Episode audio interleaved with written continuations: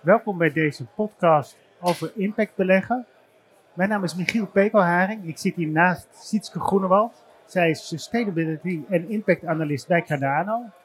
Sietske, kan je vertellen, wat doet een Sustainability en Impact Analyst? Zeker. Ik zit in het uh, Private Market Impact Investing Team van Cardano.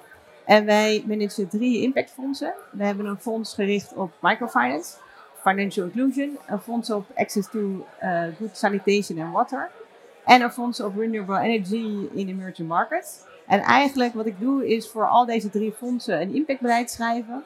Um, en ook het, de implementatie daarvan. Dus ik kijk aan de ene kant naar zijn de beleggingen op een verantwoorde manier gedaan, dus vanuit een ESG-perspectief. Dan kijk ik naar de environmental, uh, social en governance aspecten van een investering. Maar ook naar de impact. Is de impact in lijn met de impactambities die wij voor ogen hebben met ons fonds? Hoe meten we dat? Welke indicatoren gebruiken we daarvoor? Um, en uiteindelijk doe ik ook de rapportage voor de verschillende fondsen. Daarnaast uh, zit ik ook in de investment committee van elk fonds en kijk naar elke belegging vanuit een impact perspectief ik heb een vetorecht binnen deze commissie. Dus uh, als het niet voldoet aan onze impactbeleid, dan ja, kan ik hem tegenhouden. En, maar goed, op portfolio level kijken we altijd naar een heel gebalanceerd impact risk return. Um, en, en naar alle aspecten van een investering. Voordat ik ga vragen of jij vaak van het vetorecht gebruik maakt, ben ik wel benieuwd hoe je bent eigenlijk op een snijvlak bezig van impact en de financiële wereld. Kun je wat vertellen over je achtergrond? Hoe ben je in deze rol terechtgekomen? Ja, eigenlijk die duale rol past heel erg bij mijn achtergrond. Ik heb aan de ene kant hier in Utrecht culturele antropologie gestudeerd, maar ook economie omdat uh, ik een interesse had in uh, de armoede en ongelijkheid. En ja, daarbij is economie natuurlijk ook een heel belangrijk aspect. Ik heb beide studies vervolgens gecombineerd in een promotieonderzoek voor de Wageningen Universiteit. En daarbij onderzoek gedaan naar kleine maisboeren in Mexico. Ik heb daar ook langere tijd gewoond. En gekeken naar hoe zij beïnvloed werden en wat de impact was van grote economische veranderingen. En hoe zij omgaan met hun ehm, financiële tekorten, de impact van grote zadenboeren op de lokale markt. Ja, en eigenlijk ook gekeken naar hoe, hoe worden nou economische besluiten op microniveau genomen en hoe vindt dat plaats binnen een sociale structuur, binnen een cultuur. En ja, je ziet dat dat toch heel erg in elkaar grijpt. Wat is de belangrijkste les die jij daar in Mexico geleerd hebt en hoe trek je die eigenlijk door naar je werkzaamheden nu? Nou, ik denk dat uh, als je kijkt naar kleine zelfstandige boeren, die hebben door het jaar heen toch veel onduidelijkheid over hun inkomsten. Het maïs staat op hun land. Dan heb je weinig financiële armslag. En uh, ja, daarmee kon, eh, dan ga je leningen aan, kleine leningen. En dat ja, helpt hun wel echt om tot de volgende seizoen door te gaan. Maar hoe zo'n lening dan werkt en of dat dan in een groepsverband is, bijvoorbeeld wat je veel ziet en wordt gepredikt, werkte daar bijvoorbeeld helemaal niet. Dus ja, dat je ook wel realiseert van het is niet een one size fits all proces, maar je moet toch heel erg kijken naar wat speelt er in een lokale cultuur en hoe slaat zoiets aan dat lijkt me wel lastig als je dat wereldwijd wil aanpakken, dat je alle culturen moet kennen. Ja, maar wij, als we kijken naar het uh, microfinancieringsfonds wat wij managen, uh, werken we samen met lokale banken. Dus die kennen hun eigen cultuur natuurlijk het beste. Dus wij gaan er ook niet van uit dat wij dat hier het beste weten. We, we werken ook uh, met lokale partijen om ons te adviseren welke financiële instellingen dan het beste zijn. Dat zijn ook lokale mensen. Dus het is niet dat wij dat vanaf hier uit ons kantoortje in Rotterdam. Nee, en dan hebben we het echt over impact beleggen. Misschien wel handig om ook even een stapje terug te doen en te kijken. Wat is dan voor jou het verschil tussen duurzaam beleggen en echt impact beleggen? Ja, er zijn veel uh, discussies gaande nu in de markt, ook uh, vanuit de regelgeving aangewakkerd van wat is nou het verschil, waar leg je de grens klassificaties. Uh, nou, ik denk allereerst dat het uh, een heel goed teken is dat we deze discussie hebben. En dat er steeds meer investeerders zijn die nadenken over wat is uiteindelijk het doel van mijn uh, geld. Is dat alleen puur financieel gewin? Of willen we meer met onze beleggingen? En gaan we bewust naar meer sociaal of ecologisch verandering die we daarmee willen bereiken? Maar goed, als je het dan hebt over verschillen en, en definities voor ons uh, is een duurzame belegging een belegging in een bedrijf dat het best doet om de negatieve effecten van het bedrijfsvoering te minimaliseren. Dus de productieprocessen in de supply chain. Om dat uh, op een uh, verantwoorde manier te doen. We hopen ook eigenlijk dat dat uiteindelijk gewoon binnenkort mainstream wordt. En dat alle bedrijven zich daar naartoe gaan werken. Denk bijvoorbeeld aan een, eh, een bouwbedrijf dat heel lokaal probeert in te kopen. Dat uh, groen transport nastreeft. Uh, ja, dat ze best doet om zo, zo min mogelijk negatieve impact te creëren. Um, en het zou een impactbedrijf zijn als het uh, nog een stapje verder gaat. En dat het eigenlijk al bij design bezig is met hoe kunnen we de bouwmaterialen uiteindelijk weer afbreken. En hoe kunnen we die zo uh, construeren dat ze recyclebaar zijn en geen afval met zich meebrengen aan het einde. Dus ja, eigenlijk impactinvesteringen gaan een stapje verder. Uh, die, gaan, uh, die proberen echt die transitie naar een duurzame samenleving aan te jagen, te versnellen en ook anderen in staat te stellen om uh, te verduurzamen. Dus daardoor een soort katalysator is op het proces. Tot slot denk ik ook dat um, het van belang is, of eigenlijk kijken wij daar ook heel sterk naar, van wat is nou de additionaliteit van een investering en van die manager die de, of de belegger die de investering doet. En daarmee moet je kijken naar is het kapitaal wat wordt geïnvesteerd voegt dat iets toe? Is er ander kapitaal beschikbaar? Hoe groot is het funding gap voor, van het probleem dat je probeert op te lossen? En is er ook ruimte om uh, het impactbeleid te beïnvloeden en om de impact te maximaliseren waar je uh, naar streeft? Dus ja, als je het zo ziet, is dat uh, ja, de rol van de, van de investeerder die ook een belangrijke bijdrage kan leveren. Dus jullie kijken eigenlijk naar bedrijven waar je het meeste verschil kan maken. En eigenlijk bedrijven of beleggingen die zelf ook het meeste verschil maken. Maar wat zijn eigenlijk de grootste struikelblokken? Want dat klinkt heel mooi, maar ik kan me voorstellen dat je in de praktijk tegen verschillende zaken aanloopt bij Cardano.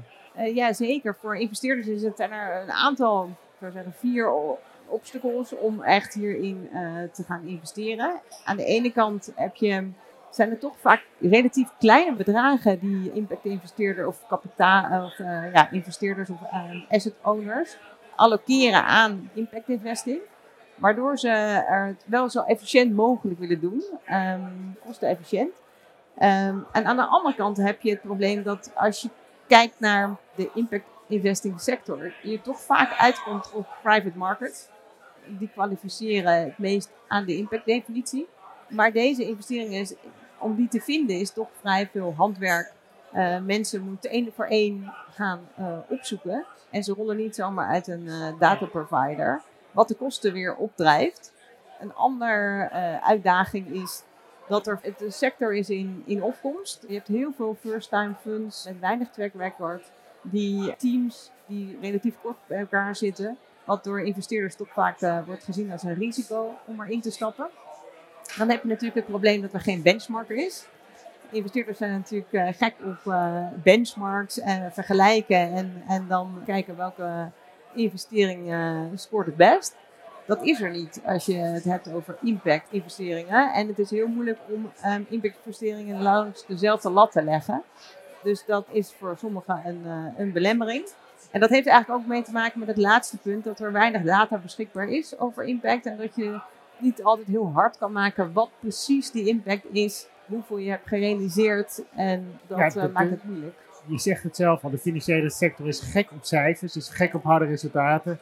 Meten is weten. Hoe pak je het op bij impact beleggen? Zijn er daar bepaalde maatstaven waaraan je een belegging beoordeelt, behalve dan het traditionele financiële rendement en risico? Ja, als wij uh, vooraf kijken aan, naar een investering en we kijken naar de potentiële impact, dan gebruiken we eigenlijk, uh, kijken naar de vijf dimensies van, van impact. Uh, we kijken naar wat is precies uh, de impact die hiermee wordt gecreëerd, voor wie. Bijvoorbeeld als je kijkt naar microfinanciering, zijn het vooral vrouwen, boeren, mensen onder de armoedegrens, die worden buitengesloten van financiële dienstverlening. Als een investering daar juist op die segmenten inspeelt, dan krijgt het een hogere score. Uh, we kijken ook naar hoe groot is de impact, hoeveel mensen worden hiermee bereikt. Um, uh, zijn er alternatieven voor deze mensen? We kijken naar um, ook de contributie van een um, bedrijf aan die impact. Wat doen ze nog meer? Dus bijvoorbeeld, uh, om nog even bij de microfinanciering voorbeeld te blijven, In hoeverre geven financiële instellingen ook uh, business development training of additionele support om zo'n kleine ondernemer te helpen hun business te laten groeien? Niet alleen geld geven, maar ook voorwaarden scheppen dat het bedrijf een succes wordt. Exact. En ook handvatten bieden voor ja, boekhouding, hoe doe je dat? Uh, hoe kan je nou ja, voor je nieuwe lening meer overhouden om te herinvesteren? Um, dus ja, we kijken naar heel veel verschillende aspecten en ook naar in hoeverre onze investering en bijdrage levert. Zitten er al heel veel externe financierders in? Um, ja, dan zijn wij er zoveel in de rij. Dan, dan is ons kapitaal minder additioneel aan het geheel. Dus we proberen eigenlijk altijd te kijken naar, ja, om ook met onze eigen investering een impact te maken op het bedrijf. En als een van de eerste buitenlandse investeerders ergens in te zitten. En dan ook een soort katalysator te zijn voor een aantrekking voor andere buitenlandse investeerders. Echt het vliegwiel-effect genereren. Ja, dat maakt het wel een grotere impact ook vanuit investeringsperspectief. En is het dan ook zo altijd dat jullie die impact bekijken vanuit de traditionele risico-rendementsverhoudingen? Ja, we kijken ehm, voor ons, ondanks het feit dat we ons heel erg richten op impact creëren, is risk-adjusted return ook heel belangrijk. En nemen we zeker mee in de totale afweging. En waarbij we op portfolio level dat ook uh, heel belangrijk vinden. Want we geloven ook heel erg dat als je uiteindelijk impact investeren wil schalen en dat, het, dat er meer kapitaal geallockeerd gaat worden naar impact investering, dan moet er een risk return tegenover staan. Anders zullen er ja, nooit schaalbare initiatieven ontstaan. En er is gewoon nog heel veel meer kapitaal nodig als je kijkt naar de problemen die we met z'n allen willen tackelen. Dat lijkt me ook wel lastig, want hoe maak je dan bijvoorbeeld de afweging tussen verschillende projecten? Bijvoorbeeld een project in Latijns-Amerika met, met een vrouw die met een eigen winkeltje begint of iets in Oost-Europa. Zijn je daar nog bepaalde handvaten voor hoe je daarnaar kijkt? Nou ja, we hebben daar dus een soort scoringskaart uh, voor gemaakt. Waarbij we naar de verschillende uh, dimensies uh, kijken van, de, van die vijf dimensies die ik net noemde. En nou ja, daar proberen we dan een afweging in te maken. Soms is in Oost-Europa een hele belangrijke nieuwe instelling opgericht. Uh, heel specifiek op vrouwen, terwijl daar eigenlijk vrouwen heel weinig uh, leningen aanvragen. Nou ja, dat kan dan hoger scoren dan in Latijns-Amerika, waar al de zoveelste investeerder zit. Dus ja, we bekijken het echt per investering.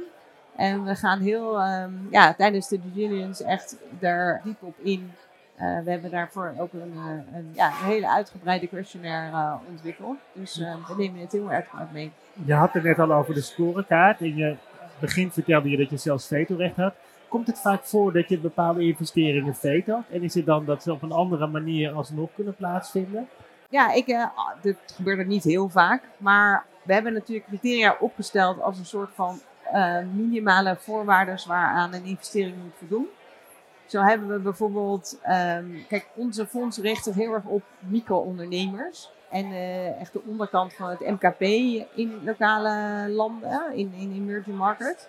En daarbij hebben we gezegd, we willen niet in instellingen die heel veel consumer finance doen. Dus financiën die verstrekt wordt voor het kopen van consumer goods. Ja. Denk aan een televisie of aan een nieuwe motor. We willen echt uh, dat het wordt gebruikt om um, ja, lokale groei aan te jagen. Ja, banen te creëren en mensen een beter inkomen te geven.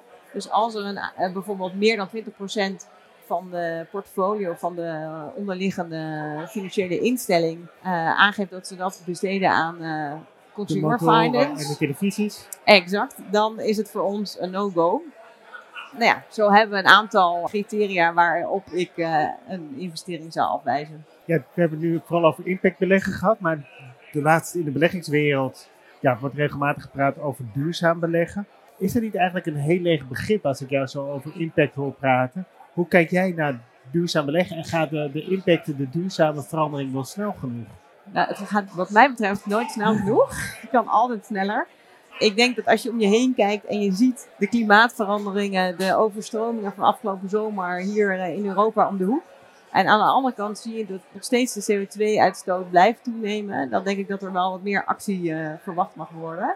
Uh, en ik denk dat ik daar niet alleen in sta, maar dat een steeds groter segment van de samenleving verantwoordelijkheid verwacht van um, beleidmakers, politiek maar ook van de investeerders en de mensen die het kapitaal uh, beheren.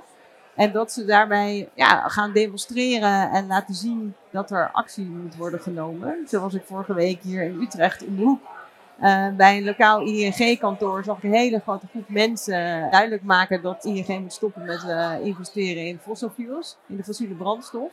Maar ook de besturen van ING, uh, recent Rabobank, hebben bezoek gehad van demonstranten die verwachten dat er meer verantwoordelijkheid moet worden genomen in het beleggingsbeleid. Daarnaast zijn er ook bedrijven zoals Unilever, Shell, die ja, vanuit hun beleggers, maar ook vanuit gewoon de samenleving te horen krijgen dat ze wat sneller in hun transitie moeten gaan. Ja. dus ja, ik denk, ik denk dat de tijd is aangebroken dat de private sector kan, moet veranderen van veroorzaker van het probleem naar een belangrijk deel van de oplossing. En dat wij ja, eigenlijk toch de generatie zijn die het moet doen. Ja. En die nu in actie moet komen. En ja, ook voor onze kinderen die uiteindelijk een, een pensioen willen hebben in een gezonde schone en duurzame mooie, samenleving. leefbare wereld. Exact. Als, als we dan over vijf jaar terugkijken, waar hoop je dan dat we over vijf jaar staan? En hoe zijn we daar gekomen? Gaat het alleen inderdaad via vooral publieke beleggingen? Of gaat het vooral wat jullie nu het vliegwiel aanjagen via de, de private investeringen, via microkrediet? Ik denk dat over vijf jaar, ja, het zou mooi zijn als, als uh, eigenlijk de publieke uh, bedrijven, dat het daar mainstream is geworden, dat zij allemaal op een duurzame manier um, bedrijfsvoering ja. bezig zijn. Want uiteindelijk is het toch het grote, het, de grote bedrijven, het grote geld, waar enorme impact op schaal gemaakt kan worden. Uh, maar ik zie de, de private markt en de kleinere bedrijven ook hier in Nederland vooral een cruciale rol spelen in nieuwe technologieën vooruitbrengen die anderen in staat stellen om duurzaam te handelen. Dus um, nou ja, denk aan, uh, we hebben nu een hele geïnvesteerd en uitgerold en op schaal gebracht in uh, renewable energy. Dus duurzame energie opwekken, zonnepanelen, uh, wind. Is nu best wel aanwezig en groot. Maar nu komt eigenlijk de volgende stap van hoe kunnen we nu beter opslaan, het beter uh, distribueren naar plekken waar het nog minder aanwezig is. Hoe kunnen we er beter gebruik van maken? En ik denk dat dat juist de private market en uh, de, de gespecialiseerde bedrijven zijn die met die technologieën moeten komen. En waar wij dan als beleggers ook uh, in moeten, geloven en in investeren om het groter te maken en uiteindelijk ja, de, de samenleving. een steeds aan bijdragen om die hele verandering op gang te brengen. Exact. Is er nog een misverstand over impact beleggen wat je wilt weghalen? Is er een bepaald iets over impact beleggen wat je wilt benadrukken? Ik denk dat soms het idee bestaat dat impact beleggen een soort filantropische hobby is van een klein clubje mensen. dat wil ik dan wel graag uh, bij deze weerleggen. Uh, omdat je, als je kijkt naar wat voor risk-return er te behalen valt, dat het toch heel vaak marktconform is en uh, een hele interessante uh, beleggingscategorie. Ook als, er, als je ervan uitgaat en daarin gelooft dat de samenleving naar de duurzame kant gaat, zitten er ook de bedrijven van de toekomst in. Denk aan uh, plant-based protein. Ja. Je ziet het steeds meer verschijnen overal. Het is ook vanuit een investerings financieel perspectief interessant om in deze voorlopers te investeren. Om uiteindelijk daar ook een graantje van mee te pikken financieel rendement en duurzaam rendement in één. Exact. Dank ik je voor deze tijd. Sietske Groenewald, Sustainability en Impact Analyst bij Cardano. Mijn naam was Michiel Pekelharing. Tot de volgende podcast.